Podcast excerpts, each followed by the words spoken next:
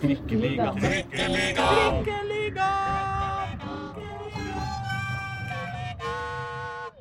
Mine damer og herrer og andre, velkommen til Trikkeligaen sesong 3, episode 54. Det begynner å nærme seg slutten. Jeg heter Aslak Borgersrud. Jeg sitter altså her i et stappfullt redaksjonslokale, eller podkaststudio, da, i Grubbegata, sammen med sjølveste Håkon Thon, hey, hey. sjølveste Pål Karstensen hey. og sjølveste Reidar Solli. Ja. Det er ikke du som skal juble for det, Håkon. Jeg visste at han ikke kom til å juble sjøl.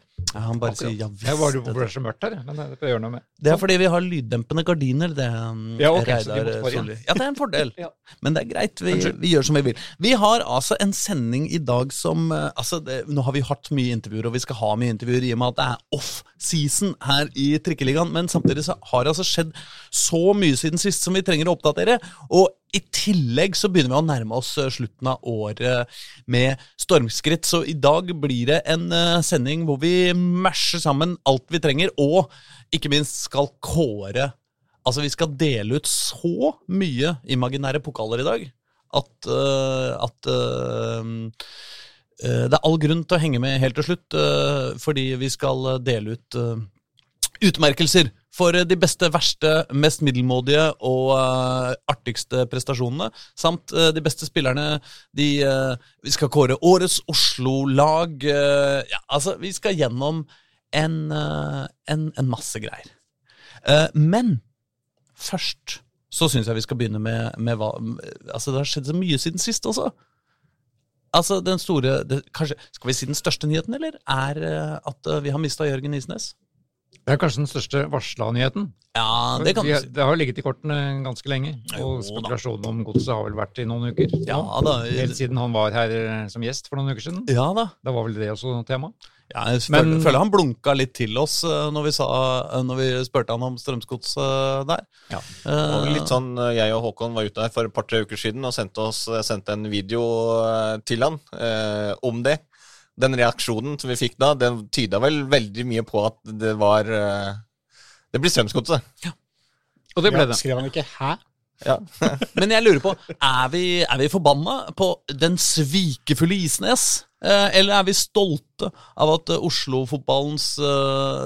Oslo-fotballen kan løfte fram trenere opp og inn i Eliteserien? Jeg er jo mer patriotisk enn som så. Altså, jeg er jo ikke stolt av at folk forlater Oslo. Altså, jeg syns folk skal være veldig stolt av å få lov til å trene et lag i Oslo. Ja. Eh, Dra til Drammen er vel ikke noe, akkurat noe oppgradering. eh, Oppgradering, nei. Nei, nei, nei, er du gæren? Men det er klart det er et sportslig oppgradering, da. Ja. Eh, Så eh, vi føler vel at eh, det var helt greit at han egentlig dro, på en måte. Altså, sånn, jeg skulle gjerne hatt den der, da. Det, var jo, det har jo vært morsomt med Isnes, og han har jo blitt en god venn av trikken. Ja, Så det har vært veldig hyggelig at han, har- han har sittet på lenge nå. Sittet på mange, mange stopp. Ja, Så det var kanskje på tide nå å ta toget ut av byen og prøve å sånn. oppleve noe nytt. da. ja, ja.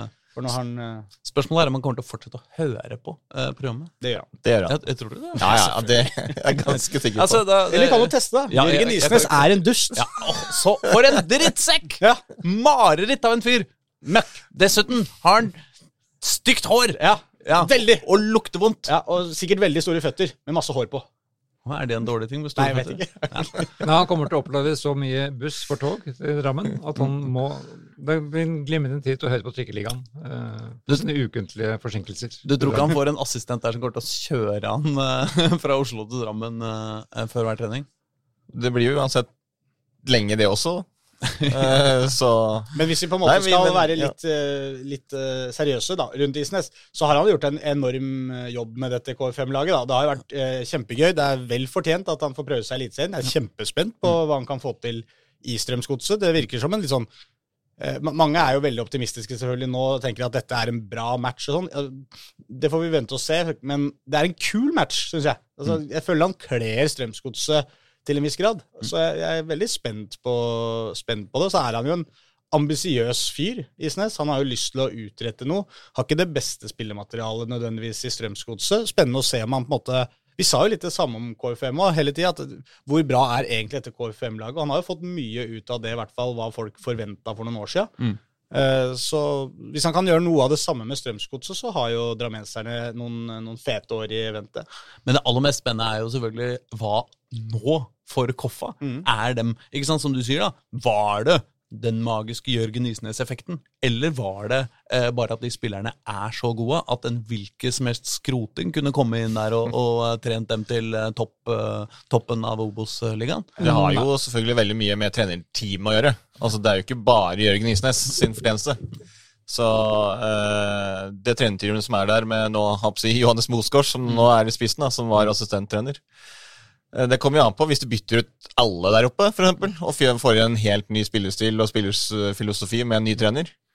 Så kan du jo gjøre det, og det har jeg jo veldig liten tro på. Så jeg vil jo tro eh, Vi får håpe at det, det ikke går nedenom hjem med, med Koffa med, med, med en gang. Det er jo det som var Det er jo synd at han forlater eh, Oslo-fotballen, men også synd for, for Koffa. For han, eh, det er jo eh, Altså I tillegg til å være en god trener, så bidrar han jo selvfølgelig med veldig mye publisitet. Sant? og det er jo det som han Han er jo en karismatisk, eh, fin fyr som er lett å, uh, lett å like. Uh, og bidrar med mye både inn mot media, men mot, mot andre ting, og er en veldig åpen og, og omgjengelig fyr. Uh, og sånn, så får vi jo se hvordan det blir med, med, med Koffa videre, for det, det handler litt om det også. Hvordan Koffa som klubb både framstår og, og er for, for måten de, de har vært på de siste ja, fem, fem årene. da han har vært der. Men så er det jo noe med, det er jo noe med på en måte, uh, som vi sier, at det er jo ikke bare Jørgen Isnes sin fortjeneste at KFM har hatt gode sesonger. Det er gode spillere, det er en god administrasjon, de har jobba bra på flere plan. Men er liksom, nå, nå er det Isnes på en måte som forlater klubben, og da må man jo på en måte se litt på og hylle det han har gjort. Vi kan liksom, ja, det er mange som spiller en viktig rolle, men han har spilt en viktig rolle i hele dette her. Du kan si sånn, ja, når, jeg tror han forlater KFM med en følelse av at dette er et, eh, noe som kan leve bra videre uten meg nå. Jeg tror han drar derfra med en sånn god følelse. Og han har, du kan godt si ja, han har gode assistenter, og, og klubben fungerer, og det er bra spillere, men det er jo delvis da takket være han. Ja, ja. Ikke sant? Ha- Han hadde, det var ikke noe Mosgaard der, eller, eller Fredheim Holm der, før eh, for noe, i løpet av et par år. ikke sant? Så har han fått inn disse spillene. Ikke han, da, men klubben har gjort det. Han har jo vært en del av den prosessen, han også. Jeg Så- husker jo jeg hadde ja, hva skal jeg kalle det, velkomstintervju med for er fem eller seks år siden. Han overtok etter Ståle Andersen som, som Ja, var det i 16? som, som ho hovedtrener. Og han har jo bygd dette fra scratch. Han fikk i tillegg en elendig start. Det var jo sånn eh, Alex Ferguson startet United-akter over, eh, over uh, Jørgen Isnes i K5. Tapte jo kamp etter kamp den første, første våren i andre versjon. Men kjempa seg gjennom det, og er, er jo den som har bygd opp hele klubben, kort og godt. Altså, kort, ikke helt aleine. Men han har vært en viktig brikke der. Han har vært kanskje den viktigste brikka, ja. Og det, Og det det, har, det skriver jo både daglig leder Tor Erik Stenberg eh, beskrivende om eh, på Koffas hjemmesider, og Jørgen også betegner jo veldig mye miljø mm, rundt seg, som har gjort han til en god trener òg. Men eh, jeg tror at det er Dette snakka vi om sist òg. Skal han ta steg videre, så er det nå. Og det det er- spennende å se hva han får til i Eliteserien. For han har han har veldig gode egenskaper, så det blir morsomt å se hvordan han, eh, han, han, han møter jo et miljø som er litt annerledes enn K5. Det kan vi trygt si. Men hvem, eh, hvem eh, blir den nye treneren i Koffa? da? Det er det, vi, eh, det, er jo det som nå er det Altså, nå er Jørgen borte. Nå må Ja, vi se og det er, videre. jo, det er jo spørsmålet om Johannes Morsgaard skal gjøre det samme som Jørgen i sin tid, og ta steget opp som hovedtrener. Mm. Etter hvert assistent både i Vålinga og K5 lenge. Tenk deg hvis altså Morsgaard De fleste av oss ble jo egentlig på en måte gjort oppmerksom på, på Johs i det Altså Han var assistenttrener i Vålinga og så når Fagermo kom inn, så, så, så, vi- så slåss jo Mosgaard for å få den jobben. Men fikk den ikke, og ble satt på første, første Ja, trikk. Ja, det var vel, er det Håkon Lunov du tenker, tenker på nå? Det var vel han som egentlig Å ja, faen, var det han? Det var Håkon Lunov som, eh, Ja, det var han som slåss sloss for eh, Ja, det er sant. Det, Unnskyld, jeg angrer på at jeg sier. Ja. Ja. Som, som, Som vanlig, eh, Protokollfører, stryk den siste setningen. Så Luna gikk jo da til Fram Larvik. Ja. Mens uh, Moskor ble en kort stund, men så er jo da, som vi kjenner til, at Fagmo ville ha sitt eget uh, støtteapparat. Så det er klart for Moskår, hvis det kommer inn en ny trener der nå som uh, ny hovedtrener, og Moskår liksom Nei, du får ikke være med videre. Nei, Det hadde vært dårlig gjort. altså. Det går ikke. Men, men er det ikke, ligger det ikke på en måte litt grann i korta? De har henta inn mm, Johs der. Det kan jo godt hende han har blitt forespeila altså, det, det, det lukte, ikke sant? Folk var og lukta på og nappa etter eh, Jørgen Isnes hele tida. Ja. Ok, eh, Moss, kom til oss nå. Du, du sitter her, blir kjent med klubben. Eh, styrer sammen med Jørgen, og når han da velger å hoppe på det tilbudet han finner eh, for godt til å si nei til, så, så er det din tur.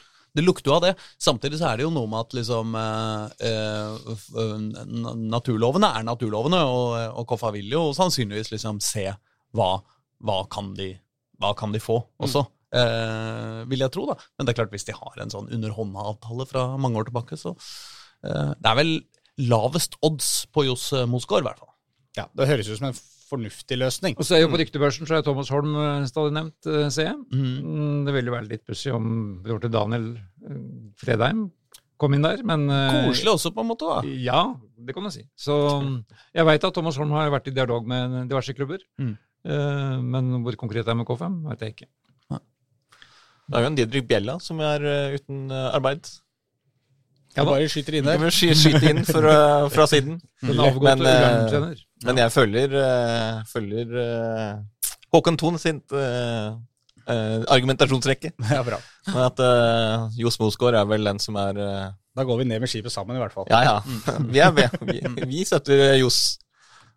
Eh, Et annet, eh, et annet eh, lag som har fått, eh, eller som har fått eh, nye trenere, er er jo Lyn Dammer. Ja, for det overraska jo de fleste av oss at Tom Stenvold eh, forlot Kringsjå etter Ja. den, eh, sin beste sesong noensinne for Lyn damer. Ja. Men det gjorde han. Han dro tilbake til eh, Nord-Norge. Til Andøya. Ja. si. Leke med raketter istedenfor å eh, Ja, noe sånt. Og da var det jo Da Nei, venta vi jo Men det er jo det man driver med på Ja, Andøya. er det noe annet uh, på Andøya enn raketter? Det er det. Nå skal ikke jeg gå inn i hva man driver med i Nord-Norge lenger, jeg, for jeg får så mye kjeft. så Jeg snakket om steder der oppe. Men Ja, ja. Andøya er riktig. Ja. Eh, men vi har jo venta lenge på hvem, hvem skulle ta over dette lovende lynlaget. For de har, de har jo så store ambisjoner. De skal ut i Europa, og et prosjekt som Tom Stenvold var sentral i. Mm. Eh, De bygger opp noe nytt på Kringsjå. Det var eh, den mest overraskende positive overraskelsen i toppserien i fjor. Og Kanskje Og- hele Oslo-fotball? Og da kom de opp med en ny trio, Mm. som jeg, ettersom jeg skjønner er likestilt. Så her har vi ingen hovedtrener, Oi, oi, oi. så langt jeg har registrert. Det er da trioen Oddbjørn Sindland og Jørgen Reikerås, som begge har eh, en bakgrunn fra Lokomotiv Oslo for noen år siden. Og så har vi ikke minst Mason Minister. Oh, det er flott navn. Det er flott navn. Ja. Så skal noen bli ho hovedtrener på, på bakgrunn av navnet, så er det ikke noe, er det ikke noe vanskelig valg. Altså Hvis Mason minister skal, eh, skal bytte jobb, så er det jo åpenbart at han bør ha en annen jobb enn hovedtrener. Ja, Han bør vel bli arbeidsminister. Ja, ja, altså et eller annet sånt. Det er, eh, mye, det er jo mye anleggsarbeid som må gjøres på Kringsjå, som er sant. Det er sant. Så eh. det kan være en kombi. Nei, men Jeg føler eh, at sånn det er et likestilt med tre trenere eller et eller annet sånt. Det er, sånn, det er egentlig det alle klubber driver med i praksis. Altså sånn, Alle hovedtrenere sier jo alt sånn ja, men vi er et team, de jobber jo sammen. Det er egentlig ikke noe forskjell på meg og de to assistentene mine, men jeg har på en måte tittelen hovedtrener. så det, det er jo bare for å eh, gjøre det vanskelig for oss i pressen. Ja. Ikke sant? Vi ikke vet hvem vi skal ringe til. Så Reidar ringer til han ene, jeg ringer til minister og Pål til han tredje. ikke sant? Vi vet aldri hvem vi skal prate med, så de må jo bare bestemme seg. En må ha tittelen hovedtrener. Ja. Sånn er det bare. Eller Så kan de gjøre sånn eh, Vi- VIF-klanen, bare utnevne en pressetalsperson. Eh, Ja, ja, det kan de gjøre. Men, eh, men Det jo- det skal jo også sies at altså kombinasjonen med to trenere får jo alltid juling i pressa eh, eh, på forhånd. Altså, Nei, det kan aldri funke, og det må være en klar sjef. og sånn, Men i Eliteserien var det vel tre stykker, tre lag nå som hadde eh, to tre- trenerteam, var det ikke det? Eh, Det var i hvert fall noen. Og, og det har jo egentlig gått eh, helt ok. Godset var jo et av dem. Godset var et av dem. Ja, det er det jeg mener. Dette er over jo- Sandefjord eh, det, Ja. altså, har jo på en måte levert over evne med en sånn eh, løsning over eh, lengre tid også. Men det er jo blitt så- blir litt mange. Mm. Tre blir litt mange, syns jeg. Men det er som, det er som blitt som med, med trenere som med formasjoner, at det er litt sånn flytende. Det er litt vanskelig å liksom slå fast, egentlig. Altså, vi er et team. Vi alle tre gjør like viktige jobber, men vi gjør litt forskjellige jobber. Mm. Det, er, det er ikke så lett, føler jeg. Altså, de, treneren er jo alltid veldig, Hovedtreneren er jo veldig oppsatt på det, og skulle si liksom ettertrykkelig at vi er et team. Men for, eksempel, for oss i pressen så er det mer interessant med. Men hvis ikke jeg får beskjed om noe annet, så ringer jeg ministeren. Ja. det, det, det skjønner jeg. Av, om ikke annet av eh, For det er gøyere å si. Ja. Ja. Eh, Men så skal vi også nevne da, i den anledning at eh, dæven for, et, for en talentfabrikk på trenersida Lokomotiv Oslo har, har blitt. Det er jo morsomt. Altså. Men kort om, kort om Lyn. Altså det, det er jo de har jo kort, Det er en sein, sein ansettelse, egentlig. Å Mm. få det så tett opp mot jul. Og så er jo Toppserien den første som skal starte neste år. De starter jo seriespill allerede i begynnelsen av mars Mm. av VM i langt i, på den andre siden av jordkloden i juni. Da er vi ferdig med Lyn. Da er vi ferdig med Lyn. Da eh, kan vi gå til uh, Vi har jo fått, uh, vi har, vi har jo fått serieoppsettet for eh, 2023. Eh, for eh, Nå har vi vel fått det for eh, det meste, har vi ikke det? Nei, ikke for dame, ikke for toppserien. Nei. Men for uh, Eliteserien og Obos og andredivisjon Andredivisjon kom i dag, ja. Og tredjedivisjon. Ikke sant? Andre Ja. og tredjedivisjon kom i dag. Uh, og det må jo være verdt å nevne også. Vi, uh, vel noe ta tak i, vil jeg tro. Hva ja, er det altså, vi gleder oss til? I andredivisjon. Nei, nå starter vi på toppen, gjør vi ikke det? Ja, skal vi ikke det, da? Nei, altså, Vålinga Jeg snakka med, med han eh, nye talsmannen i VIF-klanen. Ikke vår, eh, vår eh, venn Erling Rostvåg, men Jonas. eh, som, som fortalte at det, det de var veldig fornøyd med, var at de har fått lørdagskamper borte både i Bergen og Trondheim. For det pleier de ikke å få, fordi da pleier politiet å si liksom, nei, fint om det ligger på et tidspunkt hvor det er litt vanskelig å, ha, å gå på fylla etterpå og, og banke hverandre. Eh, Men eh, det har de også fått. Eh, De gleder seg også fryktelig til bortekampen mot Ålesund, eh, som vel kanskje var åpnings... Det er åpningskampen. det det? Annen påskedag. ja. Ja. Ja. Eh, kan, at- kan jo bruke hele påsken på å komme seg til Ålesund. ikke sant? Ja. Uh, og, og, og, det er, og det er jo hyggelig, men ellers er jo på en måte Sånn for vår del så er jo liksom serieåpning borte mot Ålesund litt uh, slapt. Det blir 16. mai-kamp mot HamKam. Det Samme er jo som en, i fjor. det er en hockeyklassiker, da. Ja, det, det Oslo er øst mot. Hamar. Ja, men det, hvorfor, hvorfor samme som i fjor? liksom? ja, Nei, det er jo litt, litt slapt. Kontroll C, kontroll V. Men Det er så eh, enkelt, da. Ja. Ja. Ellers har Vålerenga en uh, ganske uh, ser, ser ut til å ha en ganske grei avslutning på sesongen. Med fire kamper mot slutten her som ikke var noen av de forventa topplagene. Nå skal man selvfølgelig ikke jinxe sånne ting, men, uh, men ja. Men det blir vel en viss fokusering på 1. mai-kamp. Ja. Altså kampen mot Lillestrøm allerede 1. mai, da. Ja. som både er en spesiell dag og kommer allerede i det er vel fjerde serierunde. Um, så den kan du jo begynne å selge, selge nå. Ja. Det var jo da den eneste utsolgte kampen på inntil til i, denne, i dette året. Og vi som en, eh, en eh, avis, eh, en god gammeldags arbeiderklasseavis, skal jo selvfølgelig ut og marsjere 1. mai. Men vi får se om det blir 1000% overtid for å dra oss opp på Intility eh, etterpå for å jobbe på 1. mai i, i skam. Eh, mot det sviket mot arbeiderklassen det tross alt er. Men likevel. Den, den, den er jo, jeg føler vel at den debatten er 25 år gammel eh, på et, etters, et etterskudd. Men vi har jo spilt 1. mai-fotball i, siden 2090-tallet. Jo, jo, jo. jo. Men, Men, eh, en stor kamp mot Lillestrøm og hjemme og alt mulig. Ja. Men vi skal nok få det til. Vi skal få det til. Ja. Kampen skal dekkes, det kan vi love. Og så er det jo, så er det jo matchen eh, mot eh, Isnes, da. 11. juni. Å ja, ja. Så er det nevnt òg. Ja, Nå har jo ikke Vålerenga noe sånn veldig tett forhold til Isnes. Han Nei, har jo vært for- eh, lansert som kandidat mange ganger, men det er gøy for Trikkeligaen. Ja. da, kan vi, da skal vi slenge så mye dritt til Mørgen Isnes. Isnes. Isnes, skal vi kalle han. uh, ja, Det var vel derfor han uh, forsvant, for han orka ikke lenger å bli synget Veldig spent på hva, har veldig spent på hva Godsunionen kommer opp med. Om de klarer å finne en sang hvor de synger Isnes. ja. Vi kan jo bare ta vår sang. Den som vi eh, Altså, bare den Vi har eh, Isnes fra Drammen. Ja. ja. Ja, det går an. det, altså, det, Jeg spurte jo han allerede i går, på presentasjonen, Jørgen, om uh, de Uh, De sang den allerede første dagen. Fordi vi har jo vært ute med den tidligere. Vi, hva- hva- Jeg og Håkon. ja. vi Her har eller jo- på Trikkeligaen, eller på Nei privat? da, på private? Å ja, på byen. med Jørgen. Ja. Oh, ja, Jeg er ikke med Jørgen akkurat, men Nei, altså til Jørgen, da. Vi har jo sunget den til Eller via Snap, som det heter. Ok. Eh, Obos-ligaen har vi et par eh, lag også, eh, hvis jeg ikke husker helt eh, feil, så er det feil, Koffa og Skeid. Unnskyld. Koffa og Skeid, ja. De er, de er der. Ja. Uh, Jeg kan de- hoppe rett til 16. mai-kampene, kanskje. Ja, gjerne det. Så har vi tatt de, for det er jo alltid litt, litt gøy. Ja. Eh, K5 må man jo si er veldig heldig. De kommer til å få en kul match bort mot Fredrikstad. Det, det pleier jo å bli er stas, i hvert fall. Ja, men bort mot Fredrikstad Det er ikke så mange kamper i første divisjon jeg tenker er kulere på en 16. mai. Nei. Jeg var på 16. mai-kampen i Fredrikstad i fjor, eller i år, da, Ja. mot Skeid. Veldig stas. Åt, mellom 8000 og 9000 tilskuddet, tenker Ja. jeg. Det var jo mens enda det var litt visst tro rundt FFK. Ja, Og det kan det jo være. Det er det da på dette tidspunktet også, selvfølgelig, for det er jo hver vår i Fredrikstad. Jeg ble jo litt overraska da. eller sånn, For K5 sin del så er det veldig gøy, men jeg blei ble litt overraska at du ikke de satte FFK Moss på 16. mai, da, men det er vel fordi de tenker at den blir det mye folk på uansett. da. Ja. Ja. Eh, Skeid eh, kan vel kanskje sette motsatt ende på en måte av hvor heldig man var, for de skal til eh, det verdensmetropolen Kongsvinger. Eh, 16. mai-kamp på Hjemslund. Men Noe skal man spille mot. da. Men det, det er jo hyggelig at Noe skal eh, han hete 16. mai òg. eh, det er hyggelig at eh, eh, Hamar drar til eh, Oslo, mens uh, Oslo drar til Kongsvinger. Det er veldig hyggelig, Aslak. Eh, hva- Men, men, men serieåpninga, da, den, den var ikke all verden, for den er også da annen påskedag. ja, skal vi den, er det samtidig som Koffa- som Samtidig som? Eliteserien. Koffa møter Sogndal. Ja, så det er jo Sandnes Ulf. Eh, eller Skeid er borte mot Sandnes Ulf. ja, så Koffa er da eneste, eneste Oslo-lag som har hjemmekamp den eh, serieåpningshelgen. Må jo si at det er jo en ny seig seriestart for, uh, for Skeid, som har bortekamper i tre av de fire første.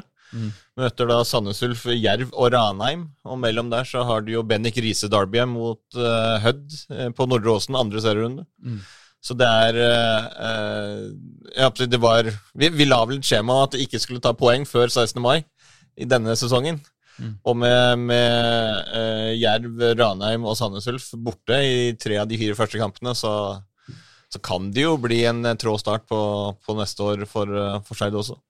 Men Sandnes eller kan, de kan få en rakettstart. Vi må jo da nevne at de skal ut først for alle andre i cup allerede 12. mars. Det er sant, mot Molde. Um, og den kampen er jo ikke helt stedfesta ennå, men de, de jobber da med å få, få den inn i Valhall, Å ja. av alle steder. ja. Men de vet ikke om de får godkjent fra Norges Fotballforbund som spillested. Men Det er jo et artig sted for dramatiske kamper. Det er det. Ja. Der er det så drama dramaer før, og det går ryktes om den skal få nytt kunstgress. Det må vi finne ut litt mer av. Hvis det er riktig, er jo det, da skjønner jeg at den kan spilles der.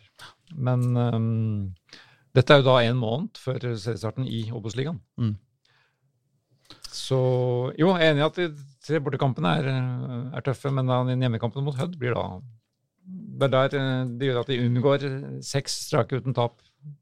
Denne Bendik seriestarten. Riise Derby.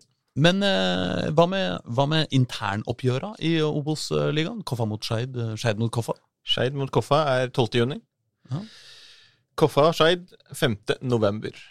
Som også er nest siste runde, skjønte jeg? Ja. Serierunde. Da er det KFM Skeid i den nest siste, eller var det Ja, det er Ekeberg, ja. Det er da 5. november. Nordre Åsen på sommeren. Og Det kan bli en uh, gøyal kamp, da. Hvis uh, Altså, begge laga kan jo være involvert i uh, avgjørende ting. og kan sende hverandre opp eller ned eller fram eller tilbake i nest siste serierunde. Uh, så det blir gøy. Gjerne kanskje ikke helt utenkelig at den kanskje kan gå på Intility. Med tanke på lysforholdene mot Ja. slutten av, av sesongen. Det er ikke godt, hende. Jeg så Skeid avslutter mot Kristiansund, som da kommer ned. eh, hvor min, da, min gode kollega Rune Edøy skal sitte og skrike og hyle i 90 minutter pluss. Det er også en ganske tøff, eh, Det er i hvert fall, i hvert fall hjemme, da. Må vi regne med. Det er hjemme, ja. Men vi vet jo da ingenting om forutsetningene, selvfølgelig. Nei. Jeg er veldig spent på Jeg må jo si jeg er veldig, egentlig veldig spent på både KFM og Skeid den sesongen som kommer nå. Ja. Eh, Skeid har jeg litt trua på at kan på en måte gjøre det en del bedre enn de gjorde i fjor, bare basert på det høyeste nivået de egentlig leverte store deler av siste halvdel hvert fall av sesongen. Så var det veldig sånn oppløftende og litt sånn positivitet. Men så, nå starter man liksom på nytt, og som du sier, på ny, ny, vanskelige kamper i starten der. Plutselig så sitter man der med en liksom følelse av at det er reprise, men det kan jo hende de har lært noe av det. da, og Så har de Sandnes Ulf i første, var det ikke det du sa? Sandnes borte i første. Ja, ikke sant? Start med tre poeng der, da, så er det plutselig en helt annen historie. da. Men dere, vi må, eh, vi Vi må, må bevege oss videre. Andre- siste kamp. Mm. Er borte mot Start. Siste serierunde. Ja. Så vi har tøffe matcher da, i siste runde, potensielt i hvert fall, høres ut som. Noen tøffe kamp. Eh, andre divisjon, eh, er det noen eh, Hvordan ser de interne oppgjøra ut der? Er det Eh, der her starter vi med Lyn Kjelsås i andre runde. Hvilken dato er vi på her i kal- kalenderen? Skal vi se De er For de starter på litt senere. Det er eh, Det er 15. april. Det er andre runde. Ja, Så det er uka etter påske. 10. april, det er da første ser- serierunde. Da, har, eh, da er det Fram mot eh, Lyn, så Lyns serieåpner i andre divisjon i Larvik. Du har Kjelsås Arendal, Grorud Ålesund 2, og så har du Vålerenga 2 mot Fløy, Flekkerøy i første runde i Post Nord-ligaen. Mm. Eh, men de som er litt spennende, da, Lyn Grorud, for eksempel, det er fjerde runde. Eh, Lyn VIF 2. Det er da 26. juni. Første møte mellom Lyn og Vålerenga er 26. juni mm, på Bislett. Eh, returkampen går mandag 21. august. Sannsynligvis på Intility, vil jeg tro. eh, Grorud. Kjelsås er det 17. juni. Det er den jeg gleder meg til. Det er den du gleder deg mest til. Ja. Eh, Grorud-Kjelsås, og returkampen der er 7. oktober. 7. oktober på Det Grefsen. På Grefsen. ja. Åh, den! Det blir, årets kamp. ja, det kommer til å bli Altså, Det sånn kan vi bare si nå med en gang. Litt sånn duskeregn, mørkt, Ja, ja, ja. sklitaklinger, avrevne drakter, kjefting, smelling, rolig er kampen. Det blir den rå, rå motsetninga til de Vålerenga-Lyn-kampene, som jo blir sånn sommer, deilig på Bislett, masse slåssing Nei, altså, unnskyld. Nei, men eh, det, det var ikke ment som en bra ting. Men altså, det kommer til å bli liksom eh, sommer eh, liksom Folk drikker og er uteservering, altså sånn som Mer det sånn var her om, suser, og det her er om året. Det, det var ikke bra. Kommer sikkert litt stjerner eh, fra begge lag, eh, ikke sant? Nei, det Hvor blir ligger Kjelsås og Grorud da på tabellen, når de møtes i oktober? Da ligger vel Kjelsås som nummer eh, tre, og Grorud som nummer eh, fire. Ok. Oi, såpass. Ja, jeg tror motsatt. da. Ja, jeg jo Ja. tror motsatt. Ja. Grorud nummer to, Kjelsås fire. Skulle vi uh, sykla videre nedover i uh... Vi kjører trikk. Vi kan ta, ta med Ullern først, da. Ja, ta med Ullern. slik at eh, de også føler seg hørt. Ja, men Som igjen har kommet i sin egen avdeling. Igjen, Ja, helt, så helt ensom. egen avdeling. Det De blir skal ikke få mye lokaloppgjør. Du kan, vi har, jeg har lista alle lokaloppgjørene som Ullern skal spille allerede. Ja. Ja, det er ingen. ja, det var ingen. Men de møter altså Kvikk Halden i første serierunde. Ja. Avslutter borte mot Levanger. Ja. Så har vi gjort det. Og så får vi jo satse på at de gjør det akkurat sånn som i fjor. på Begge plassene. Men da kan vi hoppe til, eh, til eh, fjerde nivå, tredje divisjon. Ja, det skulle vi gjerne gjort, men de har ikke kommet opp her på eh, fotball.no ennå. Å nei. Så da ja. Har de ikke det? Nei. Det, Ja, altså, men da den sparte vi den tida. Hvilken Saken- avdeling er det de laga vår her i? Ja? første Én og seks. 1 og 6. Jeg fikk den ikke opp her nå. Grorud 2 mot Skedsmo i første. Frigg den- hjemme mot Skjetten. Er det Ullern 2 mot Lokomotiv Oslo? Og det var det. Noe mer vil du vite, eller? Avdeling seks. Avdeling 6. Kjempespennende. Var det ingenting dere festa var dere ved der? Nei. Nei. ingen kommentarer. Grorud 2 Skedsmo, det er ingen som Nei. Det rykker ikke i løken på noen her, karer. Nei, nei, da hopper vi til avdeling to- Men jeg 6. lurer på hvem Skånland åpner mot i avdeling 6. I Ja. avdeling 6 har vi Asker De åpner mot Fløya. Det er flott. Skånland Fløya, ja. Skånland Fløya. Asker Nordstrand. Eh, Oppsal Follo. Sarpsborg 082 mot KFUM2. Skeid 2 mot Lørenskog. Sarpsborg 082 mot K52. Ja. Ja. Det er en kjempespennende match. Ok. Ja. Nei, men da Er ikke det et sånn derre dødmetall Nei, det var sånn nu metal-band? Sarpsborg 082? Eh, nei, det var Blink, det. Ja, det Så hvis de slår seg sammen nå Blink slår seg sammen med Sarpsborg 082 Blink 182. Ja, Ja. ja var det 182, det? Ja. ja. 082, da. Ja. Eh, hvis de spiller 1-0 Um, Skulle dere ha siste serien nå, eller? Det var akkurat det samme. Både mottatt. Tromsø 2, Skeid 2. Koffa Sarpsborg 02. Ja, Follo, Oppsal. Nordstrand, Asker. Ja, ja, men hvis ikke det er noen som uh, syns det er spesielt spennende å prate Dette kommer vi tilbake til. Dette kan vi komme tilbake til. Vi, kan jo si at vi, er eh, ikke, noe- vi er ikke noen vanlig nyhetskanal, liksom. Koffa eh, 2 mot Nordstrand, som jo er eh, en gøy kamp, det er uh, i 16. mai-runden, som jo da spilles 13. mai. det er 16. mai-runden. 16. mai-runden, som da spilles 13. mai. Ja. Fordi det er jo det som er eh, tettende, altså, så i 16. mai-runden for uh, tredje divisjon, den går 13. mai. Alle kampene spilles uh, samme dag. Koffa 2 mot Nordstrand. Ja, for 13. mai er en lørdag. Ja, det, det er mulig. 13. mai er vi så glad i fotball, det- det blir fra morgen til kveld. Skei 2 Oppsal, Koffa Nordstrand. Så da er det lokal uh, by-darbyenes dag. Det er 13. mai. Da har alle satt en ring rundt den i kalenderen, tenker jeg. Absolutt. Nå er det så mange datoer og lag her, så jeg går litt i spinn. nok om 2023. Riktig. Nå skal vi ha Trikkeligaen. Nå skulle jeg hatt noen sånne knapper å trykke på. Sånn. Du, du, du. Nei, nei, nei, nei, du veit aldri hva som skjer hvis jeg trykker på knapper. Nei, nei, nei, men kanskje det kommer uh, jingeren til en helt annen podkast. Kanskje Morrablads bokpodkast kommer opp her. Nei, jeg nekter. Um, 2022.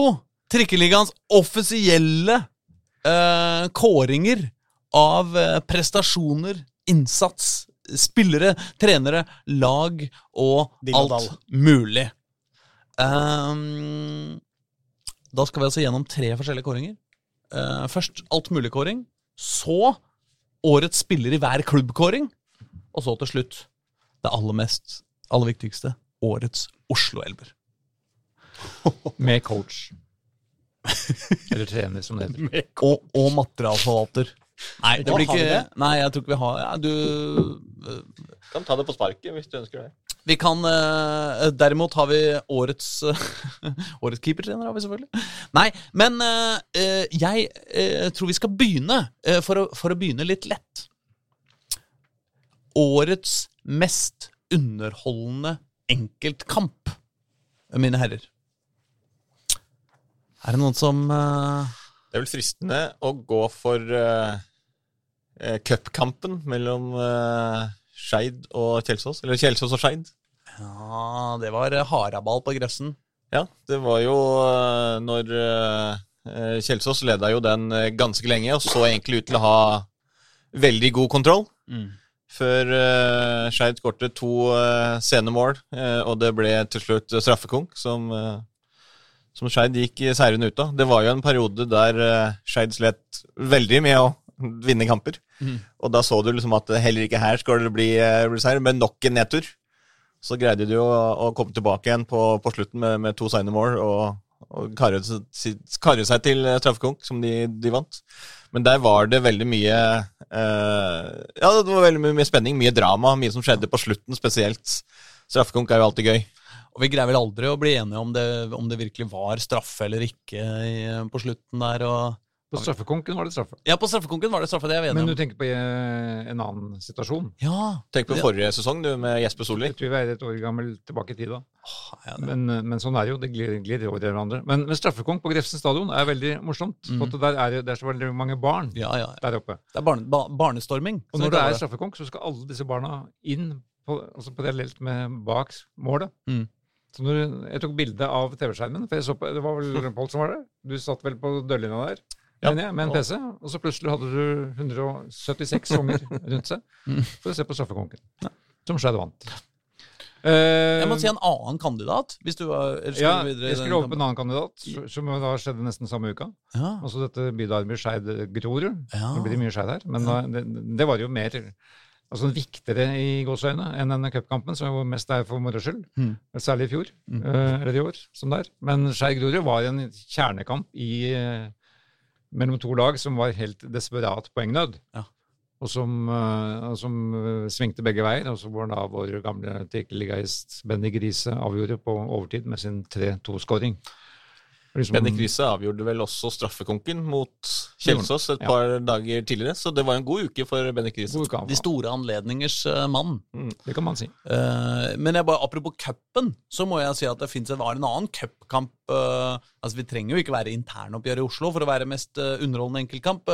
Vålerengas eh, på en måte høydepunkt eller ikke, jeg veit ikke, men det mest dramatiske Vålerenga herrer-øyeblikket i år var kanskje også i cupen, eh, nemlig borte mot Brumunddalen i andre runde. En kamp som altså virkelig burde være overkjøring av en annen verden og burde ikke være noe å snakke om mer enn et kvarter etterpå. Men likevel så greide altså Brumunddalen å, eh, å holde Vålerenga altfor, altfor, altfor lenge. Eh, det det blei vel eh, mange baklengsmål blei det på Vålerenga i den kampen her? da? Var det tre, eller? Det, ja, var det ikke Nei, det ble vel kanskje 2-2 til, eh, til fulltid, og så skårte jo Vålerenga noen på, i ekstragangene. Det var Dønnum, var det ikke Dønnum som eh, Dønnum avgjorde jo på, på overtid, jo men det var jo Både på godt og vondt, var det ikke det han eh, gestikulerte og holdt på og ble bytta Men det blei 4-3, skjønner du, i den 4-3, kampen til ja. Vålerenga til slutt. Og det som var, var jo at alle tre måla til eh, Brumunddal var jo sånn gigantiske forsvarstabber. Eh, og eh, det var vel i den kampen han eh, islendingen Brynja Brynjar Bjarnason ble flytta vekk fra Forsvaret. For han satt på topp fordi det var lettere å ikke ha han i forsvar, fordi han var eh, ja. Ja, Det var i hvert fall det inntrykket man kunne få. eh, at eh, det, var, det var ikke noen spesielt god kamp for Brynjar. Men det var jo også Aron Dønnums egentlig eneste virkelig gode øyeblikk i Vålerenga i, i, i 2022. eh, hvor han kom inn og skåra to mål på, på overtid. Ja, jeg burde huska disse detaljene, for jeg satt jo i en, en campingvogn der som var, var pressetribunen. Ja. Um, på Sveum, heter det ikke? Er ikke Sveum? Sveum, ja. det? Men jeg ble jo da sittende sammen med HA-fotograf eh, Tom Jacobsen, også toppskårer i Vålerenga på 80-tallet, da de ble seriemester to ganger. Så jeg snakka mest med han. og tok det for gitt at Vålerenga skulle vinne dette her. ja. Men så ble han stadig forstyrra at dette Brumunddal-laget scora og scora. Og da, ble det så, da måtte han ta bilder. Selvfølgelig. Men øh, jeg husker at, jeg en, at Arun Dønnum var en glad og lettet mann etterpå. Så du var på årets mest øh, underholdende Vålerenga-kamp uten å følge med? Riktig. Jeg skal jeg slenge den inn, jeg òg, da? Ja, ja, Bare for jeg kom gjerne på inn, en eh, harta her. Ja. Det var eh, det brassesparket til han derre Sotra-keeperen mot Ullern i den 2-2-matchen. Ja. Det var ganske Ja. underholdende. Det var jo ti minutter på overtid òg, var det ikke det? Ja, eller fem i hvert fall, Ja, ja, det var jævlig eh, langt på overtid. Ja. Siste Men- skjedde med Morten hva heter han for noe, Grasmo. Brassesparka inn 2-2 for eh, Sotra. Det var jo kjipt for øh, oss, på en måte. For det eneste jeg kom på, er sånne kjipe ting. Ja. Jeg, sitter, jeg husker veldig godt for at Bryne vant 2-1 mot Skein på Nordre Åsen. Som ikke er noe gøyal kamp. Nei, nei, Den dårligste kampen kanskje denne sesongen. Og så husker jeg at HamKam skåra på overtid mot Vålerenga oppe på Briskeby der. For det husker jeg vi snakka om eh, det var jo, Sjøeng var jo Var det ikke han som sto da, så var han så skuffa for han slapp ned. Han derre Jo, jo, ja, han, sånn. HamKam som sparka seg sjøl. han ble sparka ballen i trynet og var sånn Ja, ja, ja. tilfeldig inn i goalen. Ja, ja, det var irriterende. Ja, Det var mer sånn dramatisk og irriterende, de tingene jeg husker. Ja, ja og, og, og, og Vålerenga hadde en det var, øh, det var, Nei, ja, det, var, det, var, det, var, det var feil på alle måter. Det var Børvens debutkamp, faktisk, for, Ja, det var noe sånt. for ja, Vålerenga. ja. Men det var jo da Vi bør da også nevne åpningskampen Ja, på det- Ekeberg eh, mellom Koffa og Grorud. Spille inn en serieåpning der, ja, Ja, det er sant. Den var Som vild. endte 2-2. eh, Ja. Hvor Grorud da leda faktisk på etter 90 minutter. Ja. Og kunne da fått sin Ja, nå var jeg, fikk sin første seier. Det var jo ikke langt før ut på høsten. Ja. Men den kampen tror jeg ganske, hadde stor betydning for, for begge lag. Ja. Hvor da Koffa skåra vel sju minutter på Ja, det tror jeg var seks-sju. Du, du har vel et bilde der, har du ikke? Det er et fantastisk bilde av, ja, av klokka bak der. klokka og de som står oppe på gressvollen der og ser desperate ut i, i kulda. Det så, Ja. så ut som det var kaldt der. Jeg tror, det er, tror det er i det sjuende overtidsminuttet, altså 96, et eller annet. Så, og da, da hadde jo i tillegg eh, KFM noen vanvittige sjanser like før, som Lillevik redda. Han hadde jo en, blant annet en helt spinnvill sånn enhåndsredning som bare tenkte at ok, da er det dagen til Grorud, dette tar dem. Og så gjorde de det ikke likevel. Så det var eh, Det svingte bra. Det, Det fins jo en sånn vitenskapelig situasjon der òg, var det ikke det?